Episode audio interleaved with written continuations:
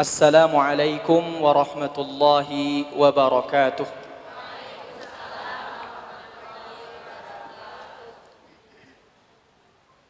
الحمد لله الذي أرسل رسوله بالهدى ودين الحق ليظهره على الدين كله وكفى بالله شهيدا. أشهد أن لا إله إلا الله وحده لا شريك له وأشهد أن محمدا عبده ورسوله لا نبي بعده الذي قد بلغ الرسالة وأدى الأمانة ونصح الأمة وجاهد في الله حتى أتاه اليقين. اللهم صل وسلم وبارك على سيدنا محمد. وعلى آله وصحبه وسلم تسليما كثيرا.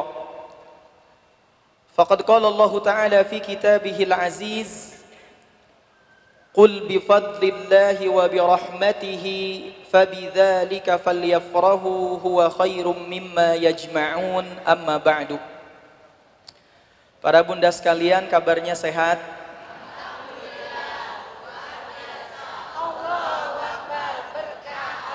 Masya Allah Baru 50 orang yang jawab. Kita ulang lagi ya. Sehat semuanya?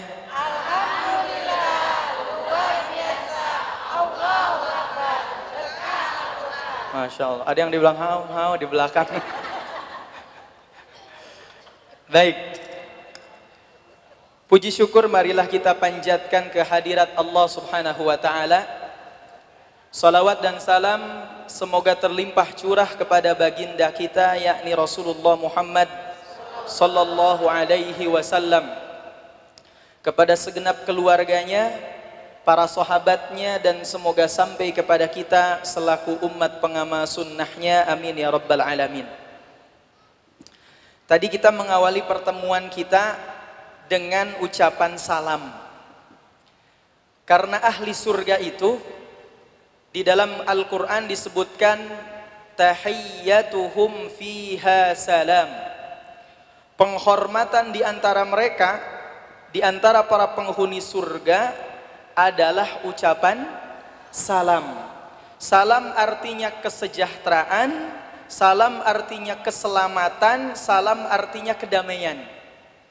Maka kalau saudara kita mengucapkan salam, wajib hukumnya untuk kita menjawab salam itu. Bahkan Nabi Shallallahu Alaihi Wasallam katakan, hakul muslimi alal muslim khomsun. Sebagian riwayat situn. Hak di antara sesama muslim dengan muslim yang lainnya ada lima. Dalam riwayat lain ada enam. Apa yang pertama Nabi Shallallahu Alaihi Wasallam katakan? Idza laqitahu atau idza laqaitahu fasallim alaih. Kalau seorang muslim bertemu dengan muslim yang lainnya, maka hendaknya mengucapkan salam. Sudah salam, Bu, sama saudaranya? Sudah apa pas masuk masuk masuk aja di sini. Geko ya, duduk gitu ya. Walaupun di kita kadang salam itu sesuai dengan profesi di Indonesia ya salam seseorang itu bisa dilihat ya. Salamnya seseorang bisa kita menebak apa profesinya.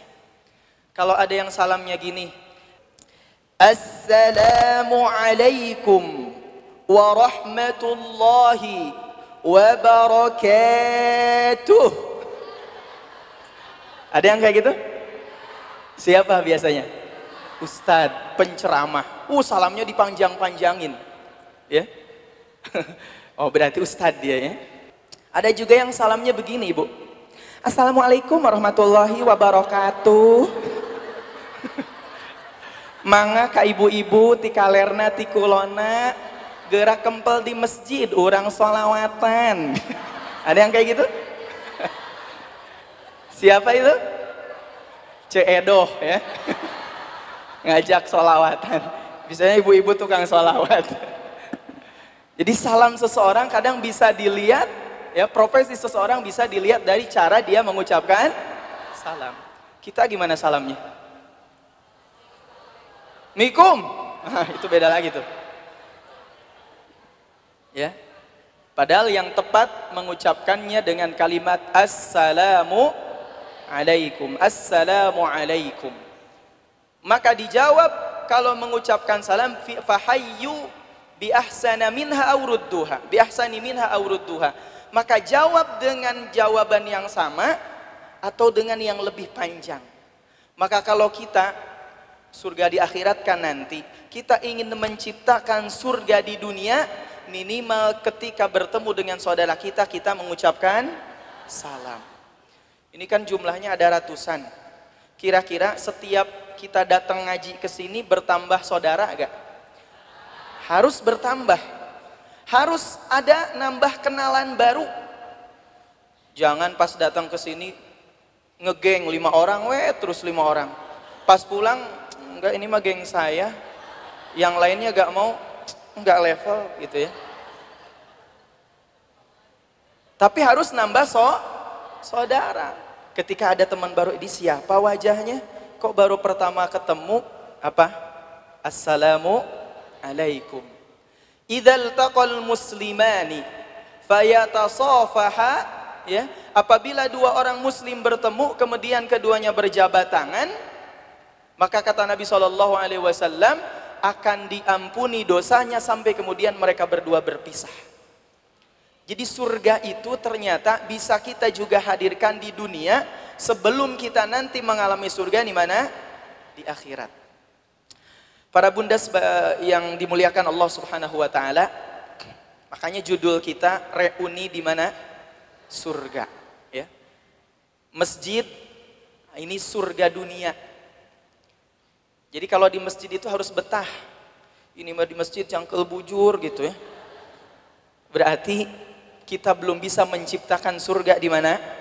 Di dunia. Kalau mau surga di akhirat maka ciptakan dulu oleh diri kita sendiri surga di dunia pulang ke rumah ya Kemudian apa? Ada anak nangis.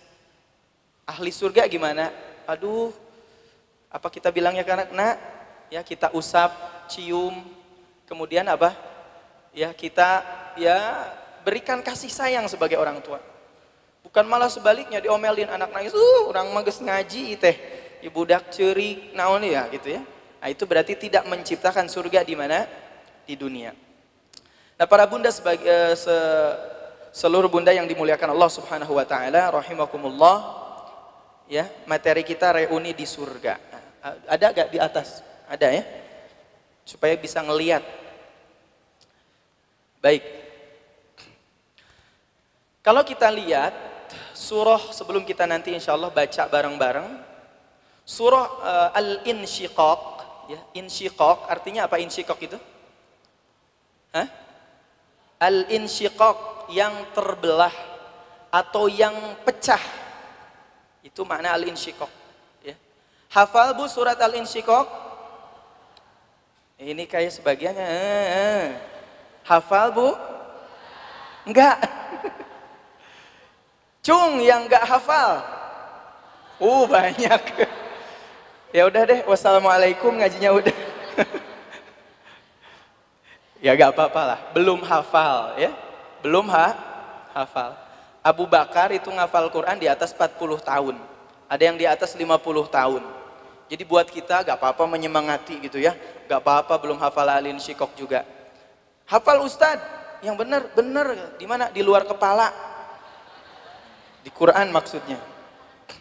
Saya pernah satu ketika di masjid uh, jadi makmum di datang ketika safar ke Jakarta jadi makmum. Pas jadi makmum saya bilang, wah imamnya luar biasa nih, hafalannya bagus. Tapi kok bacaannya agak kurang kurang kurang bagus gitu. Tapi hafalannya banyak. Uh, surat Al-A'raf dia baca. Pas selesai ngimamin, Assalamualaikum warahmatullah, Assalamualaikum warahmatullah. Ternyata di depannya ada Quran gede. Uh, ternyata dia ngimamin sambil baca Quran. Ya, para ulama mengatakan kalau sholat fardu, kalau sholat fardu itu dimakruhkan sambil membaca kalau sholat fardu. Tapi kalau sholat sunnah, tahajud, duha, boleh kita sambil baca sebagai buat membantu. Tapi kalau sholat fardu, kata Nabi faqra'u ma tayassara minal Qur'an. Baca ayat yang paling mudah di dalam Al-Qur'an. Baik. Surah Al-Insyiqaq, insyiqaq secara bahasa artinya adalah pecah. Atau apa tadi? terbelah. Kenapa? Karena diambil dari ayat pertama di surah ini. Allah katakan, "Idzas sama'u syaqqat." Apabila as-sama'u langit insyaqqat terbelah, terpecah. Ya, maka dinamakan surah ini surah Al-Insyiqaq. Dan para mufassir, siapa mufassir ini? Ahli tafsir sepakat bahwa surah Al-Insyiqaq adalah surah yang turun pada periode Makkiyah. Ya. Surah yang turun pada periode apa? Makkiyah. Jadi begini para bunda sekalian, Makkiyah itu bukan berarti harus turun di Mekah atau Madaniyah bukan berarti harus turun di Madinah. Tapi dimaksud yang dimaksud dengan pembagian ini adalah periode dakwah Rasulullah ketika di Mekah Rasulullah berapa tahun? 13 tahun. Di Madinah berapa tahun? 10 tahun. Maka Rasulullah berdakwah selama 23 tahun. 13 tahun di Mekah, 10 tahun di Madinah. Kadang ada surat Madaniyah, disebut Madaniyah tapi turunnya di Mekah. Contoh al-yauma akmaltu lakum dinakum wa atmamtu alaikum ni'mati wa raditu lakumul Islam madina.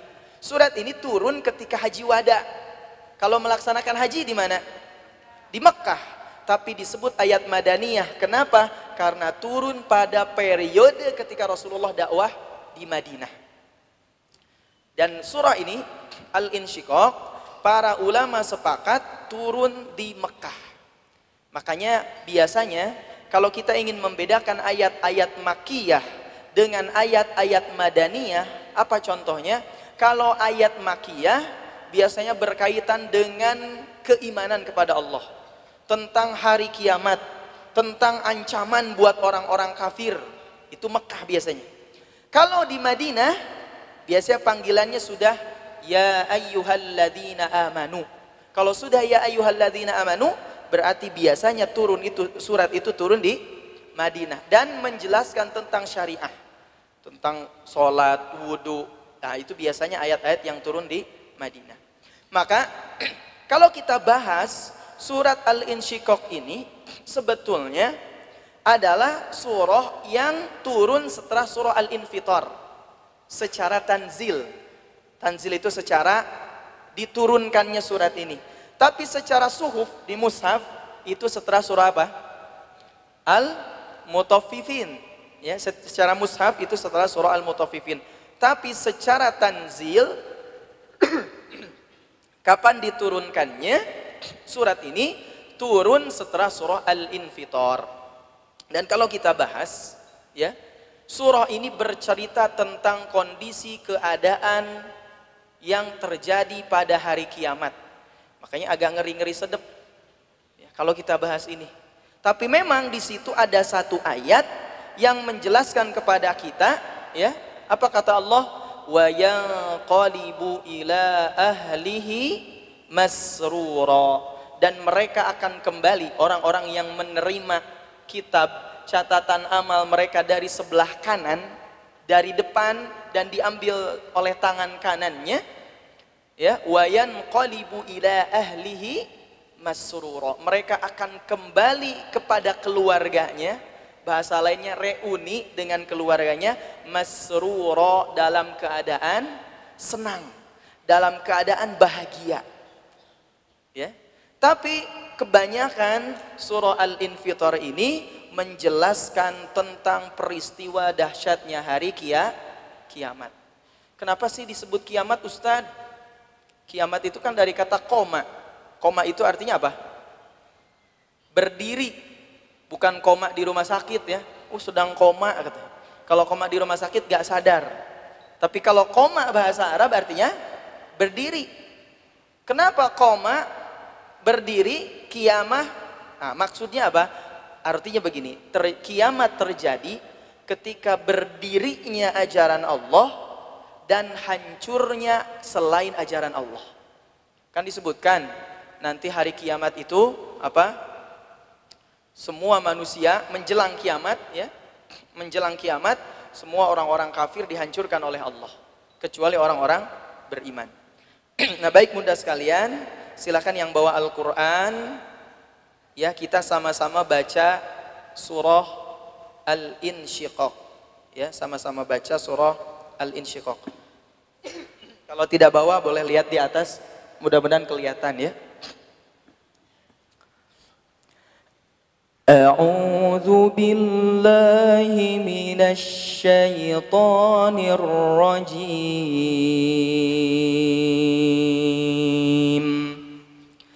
بسم الله الرحمن الرحيم Boleh bareng-bareng kita baca ya إذا السماء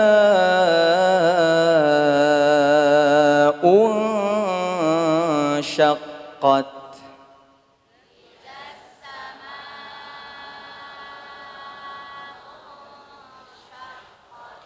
وأذنت لربها وحقت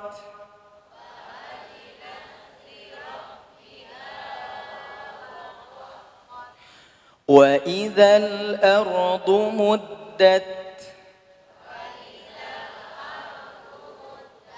وألقت ما فيها وتخلت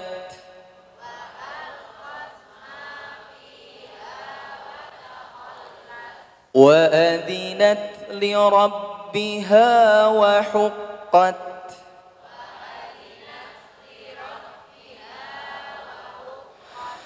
يا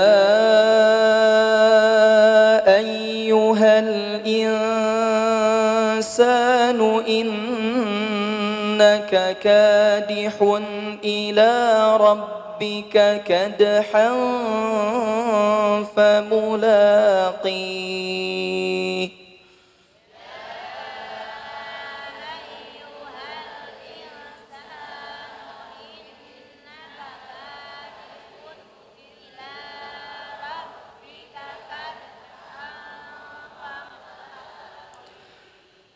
فأما من أوتي كتابه بيمينه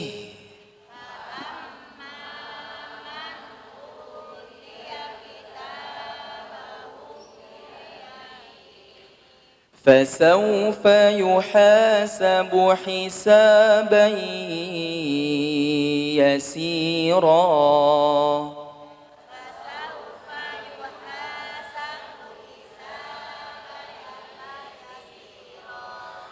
وينقلب إلى أهله مسرورا.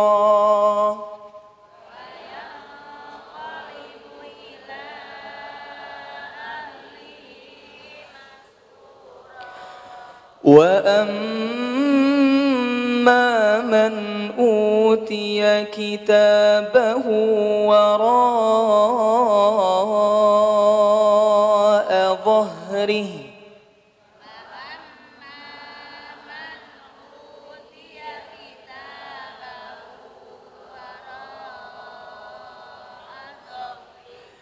فسوف يدعو ثبورا.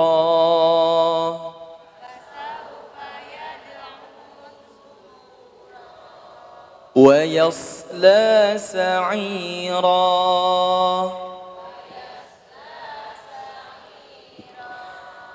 إنه كان في أهله مسرورا.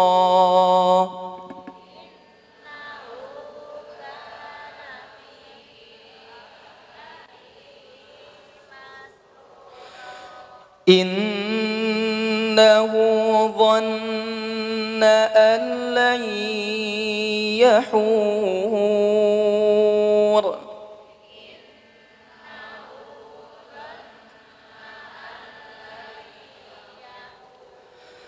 بلى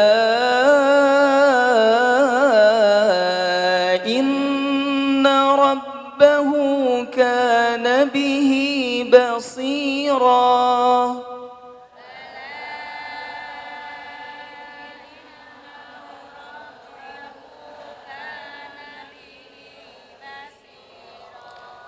فلا أقسم بالشفق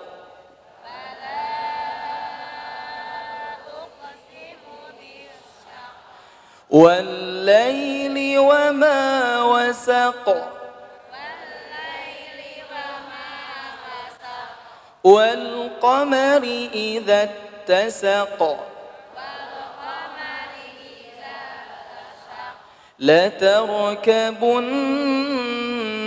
طبقا عن طبق.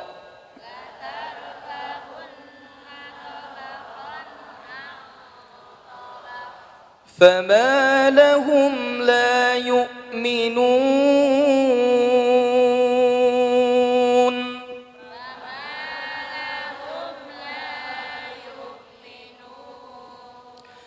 وإذا قرئ عليهم القرآن يسجدون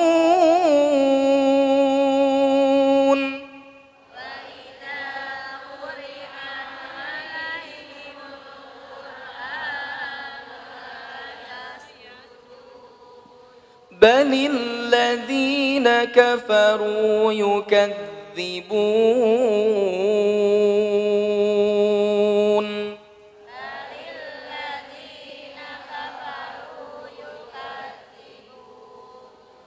والله أعلم بما يوعون.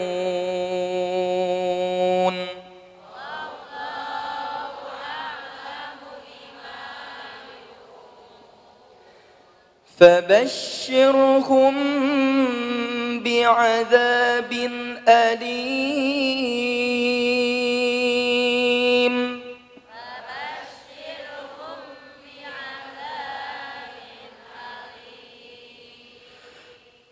إلا الذين آمنوا وعملوا الصالحات لهم أجر غير ممنون.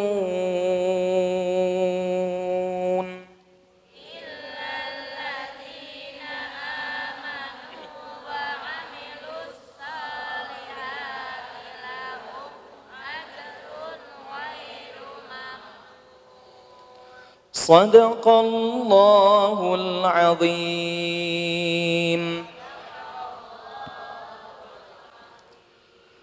صدق الله العظيم وصدق رسوله النبي الكريم ونحن على ذلك من الشاهدين الشاكرين والحمد لله رب العالمين Para bunda sekalian yang dimuliakan Allah Subhanahu wa taala kata Nabi sallallahu alaihi wasallam man qara'a harfan min kitabillahi falahu hasanatun Siapa yang membaca satu huruf di dalam Al-Qur'an maka dia mendapat satu kebaikan. Wal hasanatu bi asyri amthaliha. Satu kebaikan sama dengan sepuluh kebaikan. Jadi satu dikonversikan lagi jumlahnya sama dengan sepuluh kebaikan. Coba kalau kita baca ini, idas sama'u syaqqat. Ada berapa huruf? Satu, dua, tiga, empat, lima, enam, tujuh, delapan, sembilan, sepuluh, sebelas, dua belas, empat belas. Berarti berapa? Pahalanya berapa? 140. Tapi hadis ini bukan berarti kita dianjurkan buat ngitung-ngitung pahala. Pulang dari sini, berapa yang al-insyikok tadi dihitung. Alhamdulillah lah, lumayan buat ongkos. Pulangan kene. Enggak, tapi apa? Kata para ulama, hadis-hadis seperti ini adalah hadis-hadis terghib, hadis-hadis motivasi. Hadis itu ada terghib, pakai rin, terghib, motivasi, ada terhib, artinya ancaman. Ya, maka sedikit kita urai tajwidnya, walaupun tidak semua. Ya, kita tajwidnya kenapa? Karena baca Quran itu harus pakai taj, tajwid.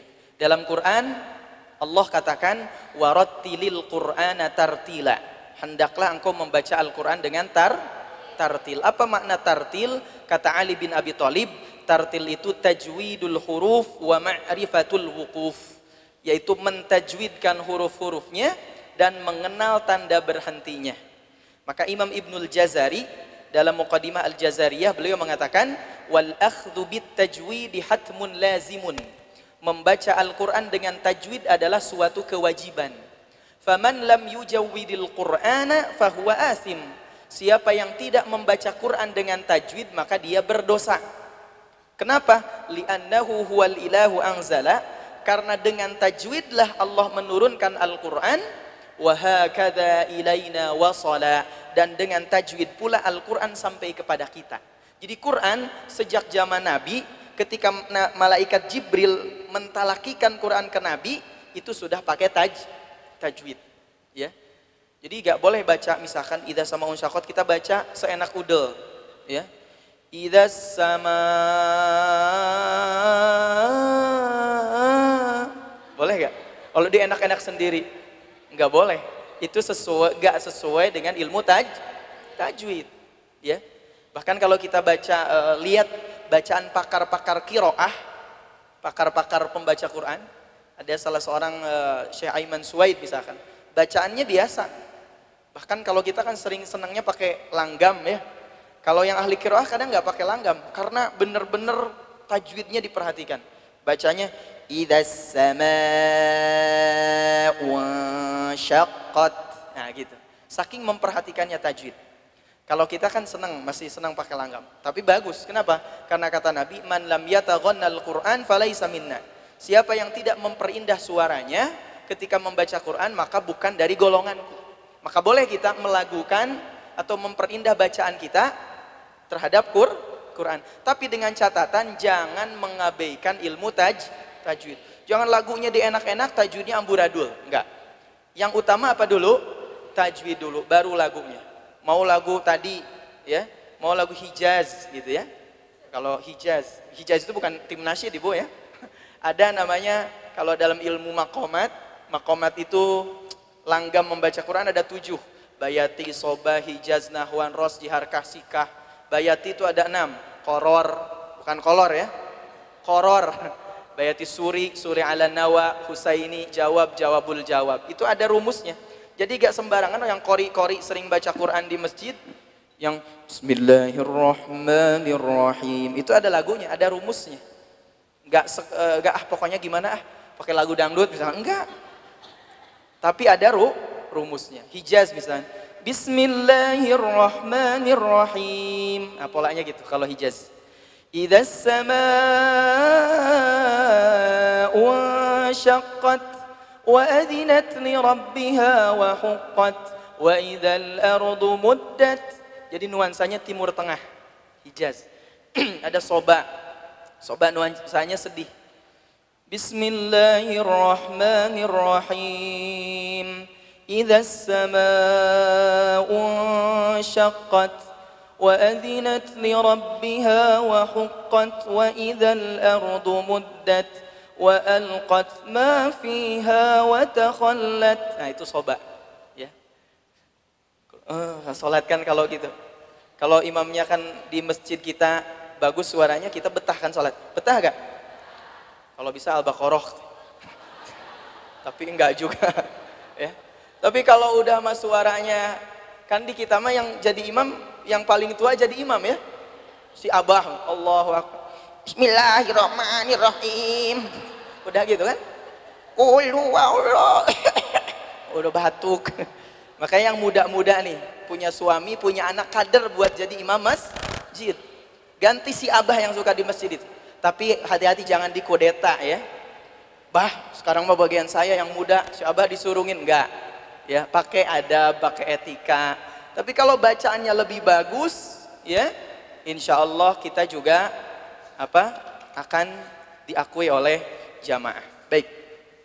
Idas sama as-sama apa hukum bacaannya? Ma maknya kalau as-samanya as-syamsiyah. Ma mad wajib muttasil ya. Panjangnya berapa? 5 sampai 6 ya. Tapi harus konsisten. Kalau mau 5 5, kalau mau 6 6. Ya. Idza sama 5 atau 6 ketukan. Wa ikhfa. Idza sama wa apa ikhfa itu? Dengung. Sama wa syaqqat. Ingat, ada banyak kesalahan di antara kita ketika mengucapkan syaqqat. Itu terlalu becek. Maksudnya syaqqat bak basah gitu ya, sampai sampai hujan lokal. Ida sama coba katanya baca. Alhamdulillah kalau tahsin di sini awas nanti kayak gitu ibu-ibunya. Ida sama unsyaqqat. Padahal itu salah. Ya, biasa aja. Pakai tak syaqqat. Cuman ada ujungnya. Syaqqat ada sifat hamas. Apa itu hamas? Kalau setelah mengucapkannya ada sedikit yang keluar. Syaqqat. Syaqqat. Ya. Tapi tidak becek. Tidak syaqqat. Ada yang an amca. Ya. Anca mau ke mana anca? Enggak. Enggak gitu. Ya, tapi biasa syaqqat ya. Wa adinat wa adinat sedikit. Wa adinat. Kita ngucapin huruf tak seperti biasa. Tak. Tak, ya. Jakarta. Jakarta, coba. Ya, jadi bukan ke mana ke Jakarta. Nah, itu Bung Roma, ya. Yes. Hah, aku sudah capek, kata. Itu Bung Roma biasanya. Saya mau pergi ke Jakarta. Itu Roma Irama, punten Bung Roma ya. Itu bicaranya pakai tajwid. terlalu, terlalu, ya wa adzinat li rabbiha wa huqqat wa idzal ardu muddat. Oke. Saya kira para bunda sekalian insyaallah sudah hatam tajwidnya. Ya, hatam hatam. Hatam aja. Tapi ingat atau enggak wallahu alam. Di sini kata Abu Hurairah ya, dalam tafsir Ibnu Katsir, ketika kami membaca surah Al-Insyiqaq, maka kami bersujud. Kenapa? Karena ada ayat sajdah. Lihat di sini. Ada tanda ini nih. Ayat 21 ketika dibaca idza quri'a 'alaihimul qur'anu la yasjudun. Maka disyariatkan kita untuk bersu bersujud. Termasuk ketika di dalam sholat. Kalau imamnya yang ngerti makmumnya yang ngerti pas baca ayat ini wa idza quri'a 'alaihimul qur'anu la yasjudun. Langsung sujud. Ya. Namanya sujud tilawah namanya sujud apa? Nah, sujud tilawah. Jadi ketika mendengar ayat ini disyariatkan untuk bersujud. Apa bacaannya? Bacaannya sebagaimana riwayat Imam Abu Daud Tirmidzi Nasai Ibnu Majah. Ya ikuti. Bagi yang sudah hafal alhamdulillah, yang belum sama-sama kita ulang lagi ya. Bismillahirrahmanirrahim. Sajada wajhiya lilladhi خلقه. والذي شق سمعه وحوله بقوته. فتبارك الله أحسن الخالقين. تقول ulang lagi, sekali lilladhi khalaqahu والذي شق سمعه. بحوله وقوته. فتبارك الله. أحسن الخالقين. Hafal? Belum ya. Jadi pas tadi suara uh, rekam, rekam ya. Rekaman suara. Oh nanti pas di rumah nah diingat-ingat diulang-ulang. Jadi insya Allah apa? Kalau 100 kali ustadznya yang capek nanti. Nanti ngajinya itu aja terus. Eh, wassalamualaikum warahmatullahi wabarakatuh. Subhanakallahumma wabihamdika gitu ya.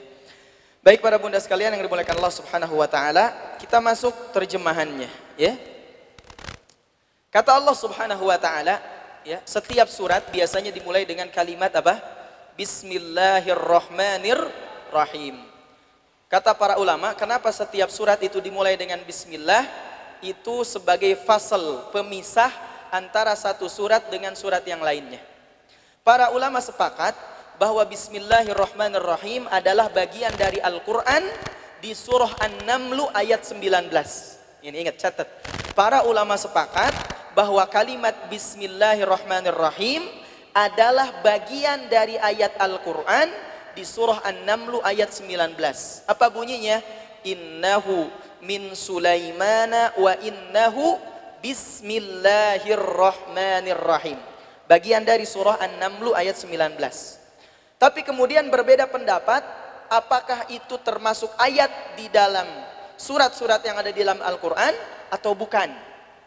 Pendapat yang rajih, pendapat yang tepat adalah Bismillah bukan bagian dari surat yang ada di dalam Al-Quran. Kecuali di surah Al-Fatihah. Ya, kecuali di surah Al-Fatihah. Kalau madhab syafi'i menganggap ya berpendapat bahwa Bismillahirrahmanirrahim di surah Al-Fatihah adalah bagian dari Al-Fatihah. Kenapa? Karena dulu Abu Hurairah pernah sholat, ya, bacanya Bismillahirrahmanirrahim, Alhamdulillahi Rabbil Alamin, selesai. Selesai sholat, Abu Hurairah menghadap ke belakang, kemudian kepada jamaah bilang, sholat yang aku lakukan tadi adalah sholat sebagaimana dilakukan oleh Rasulullah Shallallahu Alaihi Wasallam. Dimulai dengan Bismillah. Itu dalil pertama. Dalil kedua dari Ummu Salamah lamma su'ilat ummu ummu salamah ummu salamah ta'an qiraati Rasulillah sallallahu alaihi wasallam ketika ummu salamah ditanya tentang bacaannya Rasulullah sallallahu alaihi wasallam faqalat maka beliau menjawab ummu salamah menjawab kana yuqatti'u qira'atuhu ayatan ayatan. Adalah Rasulullah kalau baca Quran itu dipotong satu ayat satu ayat. Kemudian ummu salamah memberikan contoh bismillahirrahmanirrahim. Alhamdulillahi Rabbil Alamin. Ar-Rahmanir Rahim ya.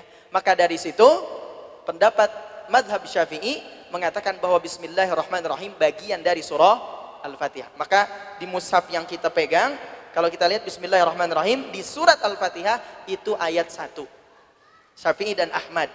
Hanya Imam Ahmad, ya Imam Syafi'i dan Imam Ahmad bin Hambal. Hanya Imam Ahmad mengatakan kalau dalam sholat dibacanya sir dibacanya pelan. Kalau ke Masjidil Haram, Masjid Nabawi, ketika umroh, Bapak Ibu para ibu sekalian, maka dibacanya bismillahnya pelan. Bismillahirrahmanirrahim. Alhamdulillahi Rabbil Alamin. Ya, bismillahnya pelan. Itu karena Saudi mayoritas itu menganut madhab Hambali. Kenapa? Berdasarkan riwayat Aisyah, karena Rasulullah Shallallahu Alaihi yastaftihu salat bilhamdulillahi Rabbil Alamin. Adalah Rasulullah kata Aisyah dan hadis dari Anas membuka bacaan di dalam solatnya dengan kalimat Alhamdulillahi Rabbil Alamin. Wazadat Tirmidhi menambahkan Imam At-Tirmidhi apa? Yaqra'u bismi yakni uh, Imam Tirmidhi mengatakan Nabi membacanya dengan sir. Ya, jadi kalau sir jangan disalahin. Kalau ada imam, kita sholat di sanuk masjid, bacanya pelan. Bismillahirrahmanirrahim. Nah, berarti ngikut hadis Anas bin Malik dan hadis Aisyah boleh jadi mengikuti madhab Hambali. Kalau Syafi'i bismillahnya ke keras. Kalau Maliki gak baca bismillah sama sekali. Adapun di surat lain selain Al-Fatihah, maka para ulama sepakat yang paling roji, ya, yang paling tepat apa? Bahwa Bismillahirrahmanirrahim di surat selain Al-Fatihah bukan bagian dari surat itu, tapi sebagai pe, pemisah, ya. Kecuali yang tidak ada Bismillahnya di surat apa? At-Taubah, surah Baroah. Kenapa? karena itu merupakan surat perjanjian apa namanya? Surat pemutusan hubungan perjanjian damai dengan orang-orang kafir. Bara'atum minallahi wa rasulihi ilal ahadtum minal musyrikin. Allah dan Rasulnya berlepas diri terhadap perjanjian dengan orang-orang musyrik. Kenapa? Karena orang musyrik melakukan pengkhianatan perjanjian. Nah maka kenapa setiap surat dimulai dengan Bismillah? Karena bismillah itu sebagai pemisah antara satu surat dengan surat yang lainnya. Tapi bukan bagian dari ayat di surat itu. Jelas sampai sini? Jelas ya? Atau bingung? Aduh Ustaz bingung. Liur geningnya ngaji teh Kalau kalau nggak mau liur mah tidur. Sirem ya di sisi bari perem. Nah, insya Allah gak, gak bingung. Ya. Apa sih manfaat bismillah? Hadis Nabi. Kata Nabi, "Kullu amrin zibalin la yubda'u bil basmalati fahuwa aqta'." Setiap amalan yang tidak dimulai dengan kalimat bismillah, maka amalan itu terputus. Terputus dari apa? Terputus dari keberkahan. Jadi kalau amal kebaikan kita pengen berkah, maka mulai amal kebaikan kita dengan kalimat bis bismillah. Tadi keluar dari rumah baca bismillah gak? Baca alhamdulillah. Naik kendaraan baca bismillah gak? Baca. Duduk di masjid baca bismillah gak? Kok jadi makin sedikit yang jawab? Baca gak? Baca alhamdulillah. Ya, baca bismillah. Kecuali melakukan keburukan. Gak boleh, bahkan itu pelecehan. Lihat di masjid banyak sendal bagus. Bismillahirrahmanirrahim. Supaya berkah. Meninggalkan yang buruk, mengambil yang bagus. Tinggalkan yang baik, ambil yang baik. Uh, tinggalkan yang buruk, ambil yang baiknya. Sendal jamaah pada hilang semua. Alhamdulillah tadi pulang rumah alhamdulillah dapat sendal bagus. Udah alhamdulillah alhamdulillah. Jadi kalau kita tidak ingin digoda oleh setan, maka baca bis. Dalam tafsir Ibnu Kathir disebutkan. Satu ketika Rasulullah sedang membonceng seseorang ya di atas untanya. Tiba-tiba orang yang dibonceng jatuh. Jatuh. Kemudian dia bilang apa? Ta'isa syaitan. Celaka setan, dia bilang. Celaka setan. Itu orang Arab mengucapkan itu. Kalau orang Sunda jatuh jadol katanya. Jadul gak tahu saya apa artinya. Jadul kali ya. Atau kalimat-kalimat aneh. Ya. Aduh. Atau kalimat yang lain. Apa apa kalimat yang gubrak. Aduh kadang, anak sekarang kadang bilang apa kalimat yang aneh-aneh lah. Ya. Kata Nabi, la taqul ta'isi syaitan. Engkau jangan mengatakan celaka setan. Kenapa? Ketika engkau mengatakan celaka setan, maka setan itu membesar sampai sebesar rumah. Jadi hati-hati nih. Kalau yang kadang kita nginjek batu, refleks tuh ngucapin apa? Aduh bapak anak. Atau kalimat-kalimat apa ya? Ya, ikan-ikan kucing-kucing gitu kan. Atau kalimat itu ya. Nah, itu hati-hati. Setan membesar kata Nabi sampai sebesar rumah. Tapi ucapkan olehmu bismillah. Bismillahirrahmanirrahim. Karena dengan mengucapkan bismillah setan mengecil sampai sekecil lalat. Jadi kalau gitu mas setan tuh kayak balon kali ya. Bisa membesar, bisa mengecil. Masalahnya kalau kita ada setan, mau besar setannya apa mau kecil? Kecil ya. Ah saya mau mau gede aja Ustad. Jadi bodyguard gitu. Eh di bodyguardan setan, naudzubillahimin dalik. Ya, ah itu bismillah. Maka setiap amal kebaikan hendaknya dimulai dengan mengucapkan Bismillah ya Bismillahirrahmanirrahim mau makan Bismillahirrahmanirrahim Allah katakan dalam ayat ini ya memang ayatnya panjang ya ada 25 ayat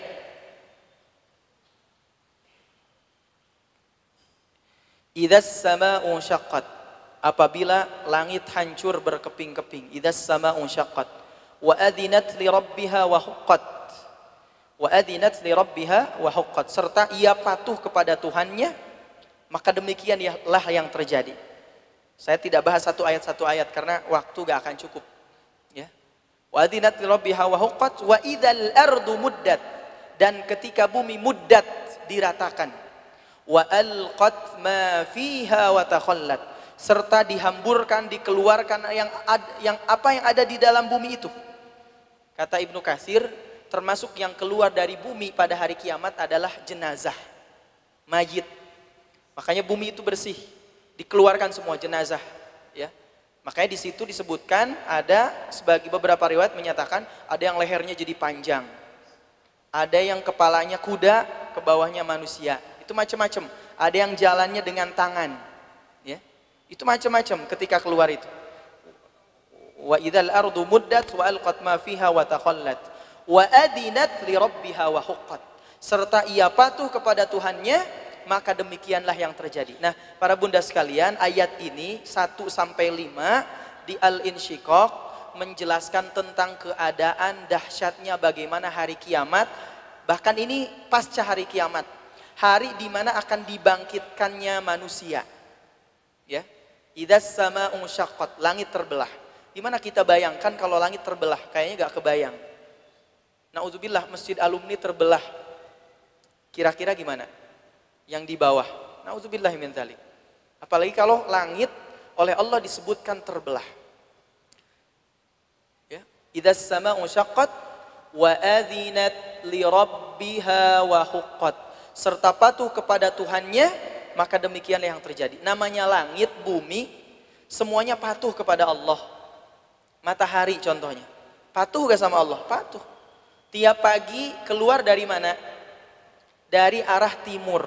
Kemudian bercahaya ya sampai di arah barat tenggelam gitu aja tiap hari kalau manusia mah banyak ngeyelnya ya kata Allah sholat ya Allah nanti ah kalau udah komat udah komat sholat ya Allah nanti ini masih sibuk nih nonton film ya itu manusia kita tapi kalau matahari wa adinat li rabbiha wa tunduk sama Allah nggak pernah matahari ngeyel Ditunggu kok jam 8 belum muncul matahari. Ternyata masih tidur. Enggak kan matahari? Enggak. Ya. Tapi matahari terus apa? Terus beredar sesuai dengan perintah Allah. Ya. Huwallazi ja'ala syamsa diya'an.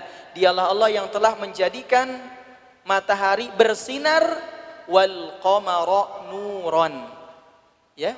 Dan bulan bercah bercahaya. Tapi tidak boleh kita manusia menyembah matahari. Dulu ada salah, salah seorang sahabat datang kepada Nabi, siapa namamu?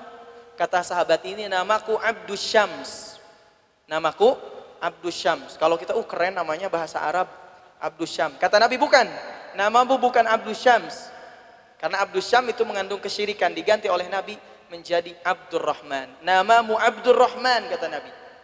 Hamba Allah maka dikenal sahabat ini Abdurrahman bin Sokher Ad-Dawsi. Nama aslinya Abu Hurairah. Nah, jadi kita kalau punya anak kasih nama-nama yang bagus. Abu Bakar, Muhammad, Isa, Musa. Jangan kasih nama Ustadz, nama anak saya mah dari Quran. Emang siapa ibu namanya? Munafikun. Gitu. Eh, Munafikun. Emang ada surat Al-Munafikun. Tapi artinya jel, jelek. Tidak setiap di Quran nama itu artinya ba bagus. Di Bogor banyak namanya siapa? Aang. Kenapa Aang? Dari Quran. Emang apa? Aang dartahum. Oh dari Quran. Ternyata Aang itu dari Quran. Ada yang kayak gitu ya. Baik. Ini ayat 1 sampai 5 bercerita kepada kita tentang dahsyatnya hari pembalasan. Yaumul jaza wal hisab ya, yaumul jaza wal hisab. Hari pembalasan dan hari hisab. Jadi semua disebutkan di sini ya. Wa alqat ma fiha wa. Dilemparkan dari bumi dibersihkan semuanya sampai isi bumi itu kosong dari mayat-mayat jenazah. Itu kata Ibnu Katsir dan juga kata Syekh Abu Bakar Jabil Al-Jazairi dalam tafsirnya. Alhamdulillah ya. Jadi kita semua nanti akan reuni juga sebelum di surga akan re, reuni dengan mungkin kakek kita, ayah kita. Ketika apa? Ketika Allah melemparkan, membersihkan bumi ini. Dulu masih fulanah teh kenapa cantik, kok sekarang mukanya jadi begini? Nah, itu bisa jadi kayak gitu. Ya. Tapi nanti di akhir uh, hari kiamat ketika dibangkitkan itu kata Nabi ada yang apa? Ada yang gurran muhajjalina min atharil wudu yang wajahnya bercahaya karena bekas air wudhu. Sering ibu wudhu? Ini jawabnya sedikit. Sering wudhu? Ingat, wudhu memang wajibnya ketika kita akan melaksanakan sholat. Tapi kita juga dianjurkan berwudhu walaupun tidak akan sholat. Contoh, tadi dari rumah berangkat ke sini wudhu dulu gak? Alhamdulillah. Makanya wajahnya bercahaya semua. Serap saya teh sebenarnya di dia. Uh, gitu ya. Serap di luhur lampu. Gurran muhajjalina min atharil Maka kelihatan wajah-wajah yang suka berwudu ya sama yang tidak pernah wudu. Kelihatan Ibu. Dari sini kelihatan mana yang suka wudu, ada radarnya. Mana yang nggak suka berwudu kelihatan. Tapi insya Allah saya lihat di sini wajahnya cerah-cerah semua. Mudah-mudahan nanti dibangkitkan kita gurran muhajjalina min atharil wudu. Wajahnya cerah bercahaya karena bekas air wudu. Jangan tebalnya pakai make up aja. Make up apa make up, Bu? nah, kalau make up mah ini ya, make make up. Tebal 5 cm make upnya ya, mau ngaji 5 cm. Ya, ya, jadi tapi apa? Wudhu. Pakai boleh pakai make up sewajarnya, tidak tabarruj, tapi wajah kita dibasuh dengan air wudhu dulu. Makanya nanti ketika dibangkitkan, pengen jadi apa? Pengen jadi kita lagi yang lebih bagus maka kuncinya kata Nabi salah satunya gurran muhajjalina min atharil wudu. Baik. Ayat 6 sampai 15 Allah katakan Ya ayyuhal insanu innaka kadihun ila rabbika kadhan famulaqih. Wahai manusia, sesungguhnya dirimu telah berupaya sekuat tenaga untuk menuju Tuhanmu dan tentu dirimu akan segera menemui Dia. Apa kata Allah? فَأَمَّا مَنْ man utiya kitabahu فَسَوْفَ fasawfa yuhasabu hisaban. Siapa yang menerima catatan amal, menerima kitab dari sisi kanannya, fasawfa yuhasabu hisaban yasira. Maka dia akan dihisab oleh Allah dengan hisaban yang mudah.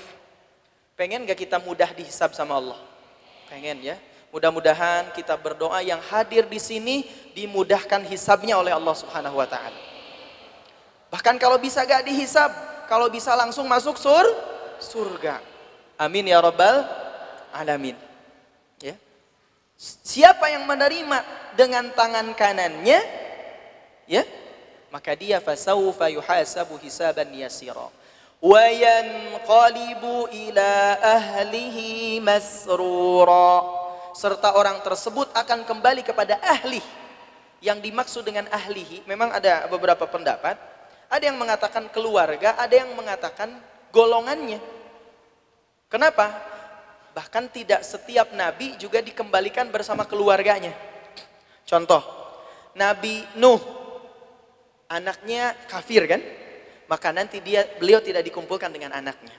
Nabi Lut, istrinya kafir, maka dia tidak beliau tidak dikumpulkan dengan keluarganya.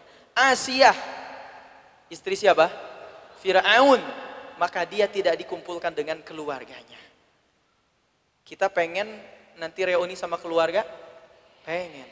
Anak kita, suami kita, ya kalau punya cucu-cucu kita, ibu kita semuanya, kita pengen kumpul lagi. Maka nanti kita akan bahas rahasianya gimana sih supaya kita sama-sama nanti di akhirat bisa kumpul bareng-bareng. Bisa fasaufa yuhasabu hisaban yasira. Hisabnya dimudahkan oleh Allah. Jadi inti pembahasan reuni di surga di ayat ini sebetulnya. Fasaufa yuhasabu hisaban yasira wa yanqalibu ila ahlihi masrura. Termasuk kita juga pengen ingin kumpul dengan siapa? Dengan saudara-saudara kita sepengajian. Ya, sepengajian ini mudah-mudahan semuanya bisa reuni lagi di mana? di surga. Sebagaimana kata Allah. Juga ada dalil penunjang yang lain. ya. Sedangkan ya, fasaufa yuhasabu hisaban yasira wa yanqalibu ila ahlihi masurara. Wa amma man utiya kitabahu wara'a dhahrihi Sedangkan adapun orang yang menerima catatan amalnya dari balik punggungnya di belakang, ya.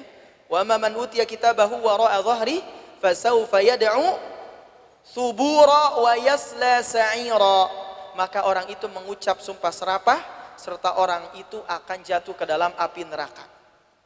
Nauzubillah summa nauzubillah. Nah, ini ancaman dari Allah. Ya. Tapi kabar gembira dari Nabi, kullu ummati kata Nabi, setiap umatku yadkhulunal jannah, pasti akan masuk surga. Senang enggak? Senang kabar gembira. Sampai kemudian kata sahabat, "Ya Rasulullah, wa in zana wa in sarok Gimana kalau orang itu pernah berzina, pernah mencuri? Apakah masuk surga juga? Maka kata Nabi, wa in zana wa in sarok. Walaupun dia pernah berzina, walaupun dia pernah mencuri. Sampai kemudian dalam sebagian sejarah, riwayat disebutkan, sahabat itu saking senangnya sambil menari-nari. Ya, wa in zana wa in sarok, wa in zana wa in sarok, wa in zana wa in sarok. Saking senangnya dengan kabar gembira dari Nabi Shallallahu Alaihi Wasallam. Ya, dalam riwayat lain, kullu ummati yadkhulunal jannah seluruh umatku akan masuk surga illa man aba kecuali yang enggak mau. Sahabat bertanya, "Wa man ya'ba ya Rasulullah?" Siapa yang enggak mau itu wahai Rasulullah? Man ata'ani kata Nabi. Siapa yang taat kepadaku dakhalal jannah wa man asani faqad aba. Siapa yang bermaksiat kepadaku, menolak ajaranku, maka dia enggak mau masuk surga. Saya tanya, ibu-ibu pengen masuk surga? Yang pengen masuk surga angkat tangannya. Masya Allah, semuanya ya. Alhamdulillah. Yang pengen masuk surganya sekarang? Aduh cenah kudu pae heula. gitu. Alhamdulillah. Minimal punya cita-cita kita pengen jadi ahli sur surga. Ya.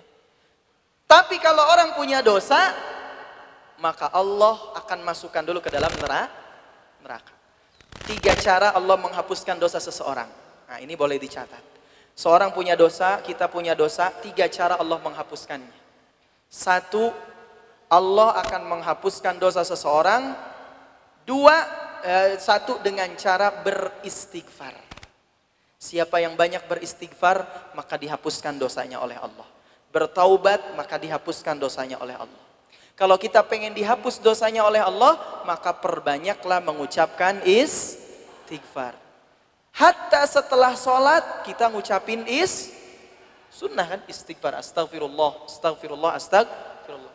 Bukan setelah sholat Allahumma lantas jalan hilang. Bukan Allahumma antas salam Allahumma lantas jalan hilang. Istighfar enggak doa enggak boro-boro gitu ya. Setelah ngaji is subhanakallahumma wa bihamdika asyhadu an la ilaha illa anta astaghfiruka. Beristighfar juga. Apalagi kalau selain ngaji, selain sholat tentu harus lebih banyak beristighfar. Nabi tiap hari 70 sampai 100 kali istighfar. Padahal Nabi sudah dijamin masuk sur, kita nggak ada jaminan dari Allah masuk surga. Saya yang ngomong apalagi, banyak ngomong pasti banyak salahnya. Maka doakan ya. Mudah-mudahan saya juga bisa diberikan keberkahan, keriduan oleh Allah. Sehingga sama-sama nanti kita bisa masuk surga. Menghapuskan dosa, satu dengan istighfar. Dua, Allah hapuskan dosa seseorang dengan diberikan musibah. Bisa musibahnya sakit, bisa musibahnya yang lain. Dikasih musibah. Dua hal ini Allah hapuskan dosa seseorang di mana di dunia. Makanya kalau kita dikasih sakit, kita berdoa saja sama Allah. Mudah-mudahan sakitnya kita adalah penghapus dosa-dosa kita. Amin ya rabbal alamin. Dua hal ini ya, satu istighfar, dua apa? Kasih musibah, cobaan, bala ya. Itu Allah berikan di dunia. Tapi kita banyak dosa nih, berbuat dosa. Tapi kok rizki makin lancar, duit banyak gitu ya. Padahal gak pernah istighfar, gak pernah juga dikasih sakit sama Allah boleh jadi Allah menunda kapan? Nanti di akhirat. Tapi masuk dulu ke neraka. neraka. Nauzu billah. Berapa satu hari di neraka menurut hitungan Allah sama dengan seribu tahun di dunia. Nauzubil billah. Tapi setiap orang mukmin kabar gembiranya pasti masuk sur surga. Pilihannya kita mau dihapuskan dosa itu di dunia atau nanti di akhirat. Itu tergantung pilihan kita. Jadi dua di dunia dengan istighfar dan dengan Allah kasih cobaan, bala, musibah. Satu Allah simpan di akhirat. Ya. Maka orang-orang beriman nanti akan kembali bertemu di sisi Allah Subhanahu wa taala. Sedangkan orang-orang yang buruk, orang itu akan mengucap sumpah serapah dan seterusnya. Maka kata Allah, ya, fasaufa yad'u thubura wa yasla sa'ira innahu kana fi ahlihi masrura innahu dhanna an lan yahur bala inna rabbahu kana bihi basira ya. Ketahuilah orang itu dahulunya bersenang-senang. Bukan nggak boleh bersenang-senang, bukan. Boleh ya, tapi jangan sampai kesenangan kita apa namanya? melanggar syariat Allah. Karena rata-rata yang namanya maksiat secara kasat mata menyenangkan. Kata Nabi apa? Hujibatin naru syahwat. Neraka itu dihijab dengan syahwat. Neraka itu dihiasi dengan syahwat. Dengan sesuatu yang menurut kita senang, enak. Coba apa yang paling enak? Buat ibu-ibu punten ya, punten. Kadang-kadang yang senang itu ngomongin orang. Betul gak? Datang ke tetangganya. Ini mah bukan ngomongin ya, bukan ya. Itu sih itu kemarin, kemarin. Tapi ini bukan ngomongin orang paralun. Enggak. Uh, terus. Nikmat gak? Gak kerasa ya? puas gitu. Merasa menyampaikan informasi yang valid, akurat. Nah gitu kan. Nikmat. Maka kata Nabi hujibatin narubish syahwat. Neraka itu dihijab dengan syahwat dengan sesuatu yang menyenangkan. Punten, orang yang pakai narkoba, sabu, itu kan mereka mengalami kesenangan. Ada istilah the fly. Fly itu apa? Ketika mereka mengalami ketenangan. Oh tenang, mungkin satu jam, dua jam dia senang. Tapi setelah itu apa? Dia akan merasa sempit hidupnya. Dan kadangkala wahujibatil jannatu bil makarih. Dihijab surga itu bil makarih dengan sesuatu yang kita malas melakukannya. Bahasa Portugalnya hoream. Tahu hoream? Males gitu, mau sholat males, ngaji males, datang ke majelis taklim males, Hoream. Bahasa Lisabon, lintas sawah dan kebun. saya rumah saya di Lisabon, lintas sawah dan Hoream, malas gitu. Maka kata kata Nabi, hujibatin naru syahwat, neraka itu dihijab dengan syahwat, dengan sesuatu yang menyenangkan, wa hujibatil jannatu bil makari. Sementara surga dihiasi dengan sesuatu yang kadang malas kita melakukannya. Tapi orang-orang yang tidak beriman apa? mereka bersenang-senang di dunia. Bersenang-senang di dunia. Dan lupa akan akhirat. Serta menganggap bahwa diri orang itu tak akan dikembalikan. Menganggap bahwa hidup makan di dunia. Kalau orang non muslim berpikir hidup itu hanya satu kali. Tapi orang-orang mukmin, orang beriman, hidup itu berapa? Dua kali, berkali-kali bahkan. Ada alam roh, ya. Ada alam rahim, masuk ke dunia nanti alam barzakh terus ada tahapan-tahapannya. Tapi kalau orang kafir menganggap satu kali aja. Makanya mereka ngumpulin dunia, harta, semuanya orientasinya untuk dunia. Namun ketahuilah bahwa Tuhannya telah mengawasi orang itu. Baik, kita lanjutkan. Ya, fala uqsimu bisyafaq kata Allah. Maka aku bersumpah demi sinar senja. Fala uqsimu bisyafaq wal laili wa ma wasaq. Serta malam juga tempat asalnya. Wal qamari idza tasaq serta bulan apabila purnama latarkabunna tabaqan an tabaq sungguh dirimu akan menempuh tahapan demi tahapan latarkabunna tabaqan an tabaq fama lahum la yu'minun. Mengapakah mereka itu tidak beriman? Ya? Fama lahum la yu'minun. Wa idza quri'a alaihimul qur'anu la yasjudun. Dan ketika dibacakan Al-Qur'an mereka mengapa mereka tidak bersujud? Ya? Balil ladina kafaru yukadzibun dan orang-orang kafir itu mendustakan ayat-ayat Allah. Wallahu a'lamu bima yu'un. Padahal Allah tahu apa yang mereka rahasiakan. Fabashshirhum bi'adzabin alim, maka berikanlah kabar gembira kepada orang-orang kafir itu dengan siksaan yang pedih. Fabashshirhum bi'adzabin alim illa alladhina amanu wa 'amilus salihati lahum ajrun ghairu mamnun. Kecuali orang-orang yang beriman, ya, bagi mereka pahala yang tidak akan pernah putus. Allah alam. Nah itu terjemahan bebasnya. Nah tafsirnya ada beberapa dalam tafsir Al-Aisar ya. Tadi disebutkan intisari surah Al-Insyiqaq ini satu penetapan hari kebangkitan dan pembalasan serta permulaan hari kiamat. Jadi hari pembalasan itu pasti ada. Ya. Kok belum datang? Ya setelah meninggal pasti kita merasakan. Tidak ada satupun manusia di dunia ini yang hidup abadi. Tidak ada. Bahkan usianya umat Rasul itu antara 50 dan 60 tahun. Jadi kalau ada yang usianya lebih, bonus dari Allah. Maka syukuri.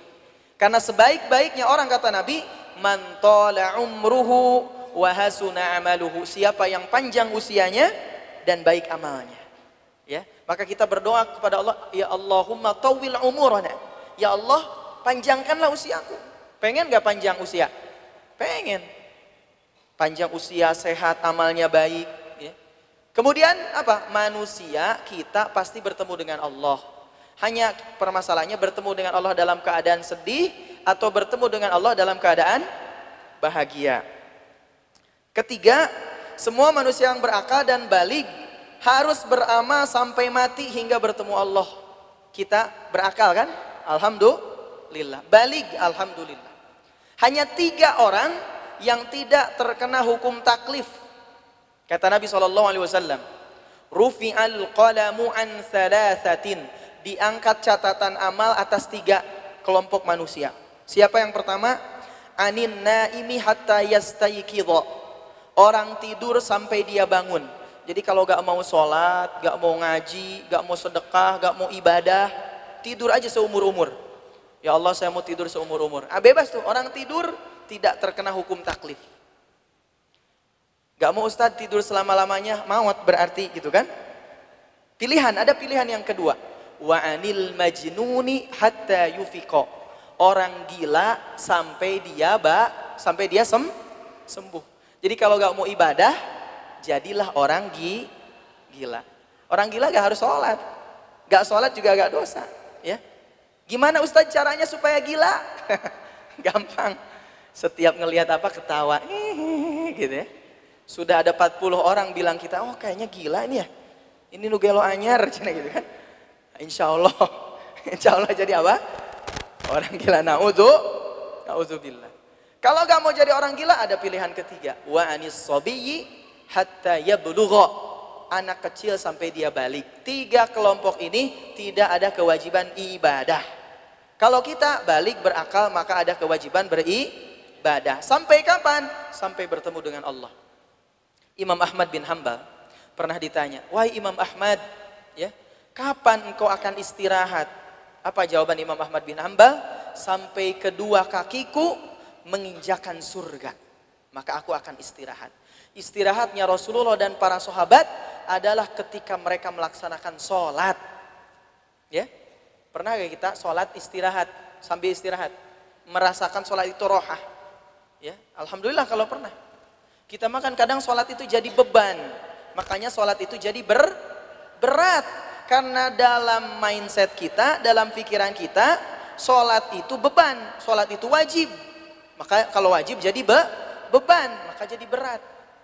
Bismillahirrahmanirrahim. Alif lam mim. Marah tuh kita. Ya, imam baca alif lam mim deh. Gitu ya. Ada yang nangis di belakang. Macam-macam. Kenapa? Karena sholat itu menganggap, kita menganggap sholat itu be, beban. Tapi kalau kita menganggap sholat itu sebagai istirahat, makin panjang bacaan, makin mantap. Ya, kalau kita kan makin pendek, makin mantap. Kul huwallahu ahad ya. Imamnya ikhlas, makmumnya ikhlas. Dinamakanlah surat Al-Ikhlas. Jadi kalau sudah kedengar imamnya maghrib kul huwallahu ahad, wah senang tuh. Dalam berdoa pun sama. Kan kan kadang suka ada berdoa ya kalau pengajian atau apa. Doanya panjang lagi kan Amin amin apa pokoknya mah amin amin gitu ya. Pas ingat apa? Pas Rabbana atina fid dunya hasanah amin. Karena tahu udah mau selesai. Gitu ya. Padahal apa? Ibadah sampai kita bertemu dengan Allah.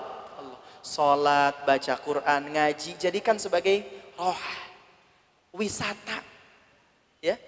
Siahah, piknik. Ngaji itu piknik, Bu. Kurang ngaji berarti kurang pik piknik. Ya. Kalau kalau kita makan pikniknya mikirnya oh botani, Alhamdulillah ada pengajian, jadi bisa alasan sama suami padahal pengen ke botani. ada yang kayak gitu gak? Udah kayak oh, ngerbung botani jadi rame gitu ya. Mudah-mudahan. Oh, boleh ke botani boleh. Ya. Tapi yang yang nggak boleh itu apa? Niatnya mau ke botani, tapi modus teh gini ke masjid heula. Bismillahirrahmanirrahim. Ya Allah mudah-mudahan nanti belanja di botani dilancarkan. mudah-mudahan ada diskon ya Allah. Ngaji tapi niatnya mau ke botani ya. Kemudian apa?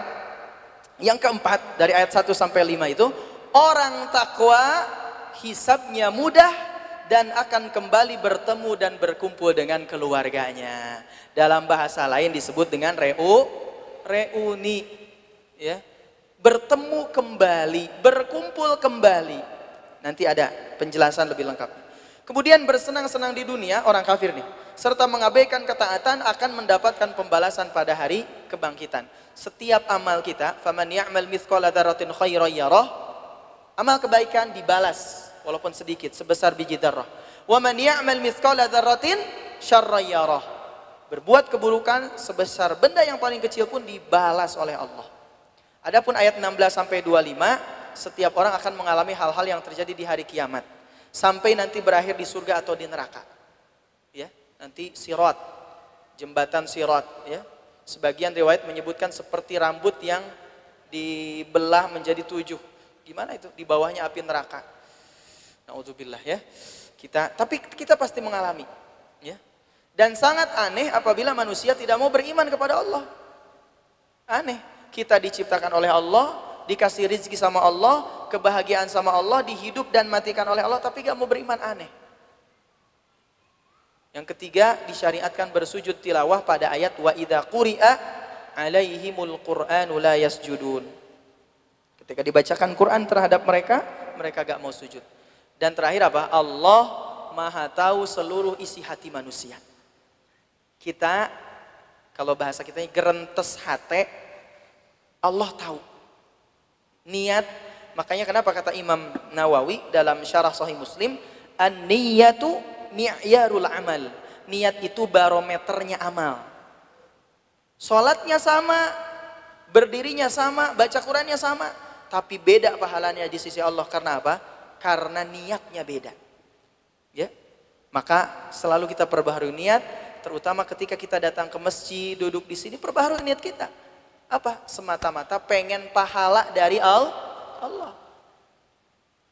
Bukan berarti ada orang mengatakan tidak boleh katanya mengharapkan pahala. Boleh. Tidak boleh katanya mengharapkan kebaikan di dunia. Boleh. Kalau kita beriman dan beramal soleh, kata Allah apa? Man amila salihan min dzakari wa untha. Siapa yang beriman dan beramal soleh dari kalangan laki-laki dan perempuan, apa kata Allah? Falanuhyiyannahu hayatan thayyibah. Maka baginya akan diberikan kehidupan yang baik. Kehidupan yang baik di mana? Di Jadi boleh asal mintanya berharapnya sama Allah. Kalau berharap sama Allah pasti tidak akan pernah kecewa. Berharap sama manusia pasti dijamin kecewa. Ya? Maka berharap sama-sama Allah. Jangan berharap sama suami, berharap sama suami pasti kecewa. Berharap sama anak pasti kecewa. Tapi kalau kita berharap sama Allah, Allah tidak akan pernah mengecewakan hambanya. Gimana sih caranya berkumpul di surga? Emang ada dalilnya kita berkumpul di surga? Ada. Tadi kan di surah apa? Al-Insyiqaq. Ada juga di ayat lain. Apa kata Allah? A'udzu billahi minasy syaithanir rajim. جنات عدن يدخلونها ومن صلح من آبائهم وأزواجهم ومن صلح من آبائهم وأزواجهم وذرياتهم. Kata Allah jannat yaitu surga jamak. Bentuknya jama. Aden, surga Aden. Yadkhulunaha yang mereka memasuki ha surga itu ke dalamnya. Waman salaha dan barang siapa yang saleh min abaihim dari bapak-bapaknya wa azwajihim istri-istrinya wa dzurriyyatihim dan cucu-cucunya keturunannya.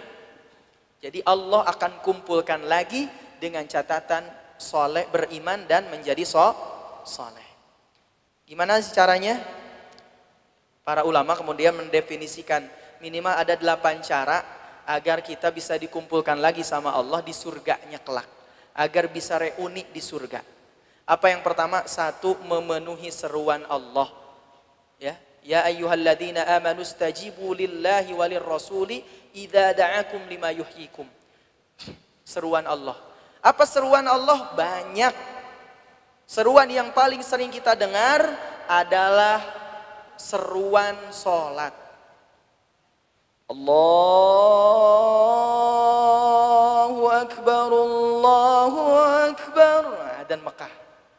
Adan di kita, Allahu Akbar. Seruan siapa? Ya. Seruan apa? Seruan so, sholat. Ya. Ketika Allah menyuruh kita, seneng gak kalau kita dipanggil Allah? Kalau adan seneng gak bu? Harus seneng. Kalau gini berarti gak seneng Allahu Akbar, Allahu Akbar. Eh bieu mah salat lohor geus adzan deui. Berarti tidak sen hati-hati. Nanti gak dikumpulkan sama Allah. Ya. Kalau udah azan Allahu Akbar, Allahu Akbar. Nah, gitu ya. Maka kita alhamdulillah. Kita mah seneng kalau azan teh di bulan puasa biasanya. Azan maghrib. Seneng banget. Oh dari jam 5 udah ditungguin. Satu jam lagi. Udah gak enak aja. 30 menit lagi. 10 menit lagi waktu azan. Sampai di satu tempat seorang kakek menunggu azan. Tapi sampai jam 6 tidak terdengar azan akhirnya dia azan sendiri gitu. karena kan ya, panggilan Allah buat kita minimal sholat lima hati-hati Apalagi bagi ibu-ibu, bagi perempuan, bagi para bunda sekalian, kan suka datang tamu, ya, haid, itu hati-hati. Zuhur misalkan masuk Allahu Akbar, Allahu Akbar, nanti aja deh jam satu sholatnya. Eh, jam satu kurang sepuluh keluar tamu, datang tamu. Kata para ulama, karena sudah masuk waktu sholat, maka orang seperti ini harus mengkodok sholatnya. Kenapa? karena dia melalaikan waktu sholat. Harusnya azan siap-siap wudhu, tinggalkan semua aktivitas yang lain. Cara agar kita dikumpulkan oleh Allah, yang pertama penuhi seruan Allah. Minimal seruan Allah itu waktu sholat azan. Satu. Dua, nah gitu. Itu sudah lihat, bisa dibaca lah ya. Potong gitu ya. Dua apa? Memenuhi janji Allah dan tidak melanggar perjanjian. Emang kita udah janji sama Allah? Sudah. Dia apa? Lihat surah Al-A'raf. Surah ketujuh. Ayat 172. Apa kata Allah? A'udhu billahi minasyaitanir rajim. Bismillahirrahmanirrahim. Wa idh akhadha rabbuka بني آدم من ظهورهم ذريتهم وأشهدهم على أنفسهم ألست بربكم؟ قالوا بلى شهدنا أن تقولوا يوم القيامة إنا كنا عن هذا غافلين. دلو di alam ruh Allah وإذ أخذ ربك من بني آدم من ظهورهم ذريتهم Dan ingatlah ketika Allah dulu bertanya kepada kalian dari keturunan-keturunan kalian, ya. Apa kata Allah? Alastu bi rabbikum? Apakah aku ini Tuhanmu? Apa jawaban kita? Qalu bala syahidna. Kami bersaksi bahwa engkau ya Allah adalah Tuhan kami. Tuh, udah janji kita dulu dengan Allah. Syahadat itu juga artinya janji. Syahadat itu artinya tiga. Satu, pernyataan. Dua, sumpah. Tiga, janji. Jadi kalau kita bersyahadat dalam sholat, asyhadu an la ilaha illallah wahdahu la syarikalah wa asyhadu anna muhammadan abduhu wa rasuluh. Itu artinya kita sedang berjanji sama Allah Allah. Apa janji kita? Akan taat sama Allah, ya. Kemudian akan taat menjauhi kemaksiatan. Mudah. Yang susah apa? Melakukannya. Tiga, istiqomah dan berkesinambungan. Istiqomah. Iman itu gampang. Tapi orang beriman akan senantiasa diuji oleh Allah. Lihat surah Al-Ankabut ayat 2. Ahasiban nasu ayyutraku ayyakulu amanna wa hum la yuftanun Apakah manusia mengira akan dibiarkan setelah mereka mengatakan kami beriman sementara mereka belum pernah diuji? Maka yang paling berat setelah beriman adalah isti qamah. Sampai ada seorang sahabat bertanya kepada Rasulullah, "Ya Rasulullah, wahai Rasulullah, qulli fil islami qaulan." Coba sampaikan kepadaku dalam Islam satu ucapan, la as'alu anhu ahadan ghairaka. Yang aku tidak akan bertanya ucapan itu kecuali kepada engkau. Apa kata Nabi? Qul amantu billah thumma istaqim. Katakanlah aku beriman kepada Allah, kemudian berlakulah istiqomah, lurus. Pertanyaannya sekarang, gimana sih caranya supaya istiqomah? Caranya istiqomah ada tiga. Supaya kita bisa istiqomah, caranya tiga. Satu, suhbah as-salihin. Bersahabat dengan orang-orang soleh. Ingat, sahabat itu saling mempengaruhi. Kalau kita bersahabat dengan orang yang suka ngomongin orang, kita pun sama. Bersahabat dengan copet, minimal kita pun sama. Ya, tapi bersahabat dengan orang-orang soleh, minimal kita pun jadi orang so soleh. Kata Nabi, Al-mar'u ala dini khalilih. Seseorang tergantung dengan agama temannya. Falyan nudur ahadukum man yukhalil. Maka perhatikan salah satu di antara kalian, siapa yang akan berteman dengan kalian. Satu, supaya istiqomah berteman dengan orang-orang soleh. Dua, supaya istiqomah adalah rajin menghadiri majlis ilmu. Gak mungkin seseorang istiqomah kalau gak dapat ilmu kita ini datang di sini, duduk di sini, ini adalah usaha kita. Setelah kita iman, maka kita belajar istiqomah. Rajin duduk, bukan hanya di sini, di mana pun datangi. Ya, dalam satu asar disebutkan, kalau seseorang tiga hari tidak dimasuki hatinya oleh ilmu, kosa kolbu, maka bisa jadi hatinya jadi keras. Ya, keras hati. Naudzubillah. Tiga, cara kita supaya istiqomah, jangan lupakan berdoa doa. Salah satu doa yang diajarkan, Rabbana la tuzigh qulubana ba'da id hadaitana wa hab lana min innaka antal wahhab. Dari Quran di surah Ali Imran. Doa yang lain, ya muqallibal qulub tsabbit qalbi ala dinik. Ya musarrifal qulub sarrif qalbi ala ta'atik. Itu doanya dari Quran, dari hadis. Cara supaya kita istiqomah dan berkesinambungan. Ahabul a'mal ilallahi adwamuha wa inqal. Sebaik-baiknya amal di sisi Allah adalah amal yang terus-menerus berkesinambungan walaupun sedikit. Empat, takut sama Allah. Takut apa? Takut akan siksaannya. Takut sama Allah adalah dekat dengan Allah. Beda dengan takut sama makhluk. Ya, Kalau takut sama makhluk jauh, tapi takut dengan Allah dekat. Lima, sabar. Supaya nanti dikumpulkan oleh Allah di surga. Sabar. Apa sabar? Sabar itu maknanya habsun nafsi alaman illah menahan diri dari apa yang dilarang oleh Allah. Itu namanya sabar. Ya. Kata pepatah Arab, as-sabru yu'inu ala kulli amalin. Kesabaran itu akan menolong setiap perbuatan. Kita percepat aja ya. Enam, mendirikan sholat. Sholat, ya, itu mengantarkan diri kita nanti dikumpulkan oleh Allah di surga. Tujuh, menginfakkan sebagian rizki. Ya, rizki infakan. Sedekah, tadi kan sudah ada sedekah ya Bahkan sedekah itu luar biasa manfaatnya. Selain Allah nanti berikan balasan di akhirat, ternyata Allah juga janjikan balasan di dunia buat orang-orang yang sedekah. Ada dalilnya Ustaz banyak. Ya. Delapan, terakhir, menolak kejahatan dengan kebaikan. Wa atbi'is sayyi'ata al-hasanata. Mengikuti setiap perbuatan buruk yang kita lakukan dengan perbuatan yang baik, tamhuha. Niscaya perbuatan buruk itu, perbuatan baik itu menghapuskan perbuatan buruk. Ini delapan hal agar kita nanti oleh Allah dikumpulkan kembali bisa reuni di surganya Allah. Wallahu a'lam bisawab. Mudah-mudahan apa yang disampaikan kali ini bisa memberikan motivasi, inspirasi serta semangat untuk beramal dalam diri kita. Kalau ada kesalahan sementara itu kesalahan saya pribadi dan kebenaran hakiki hanyalah milik Allah Subhanahu wa taala. Assalamualaikum warahmatullahi wabarakatuh.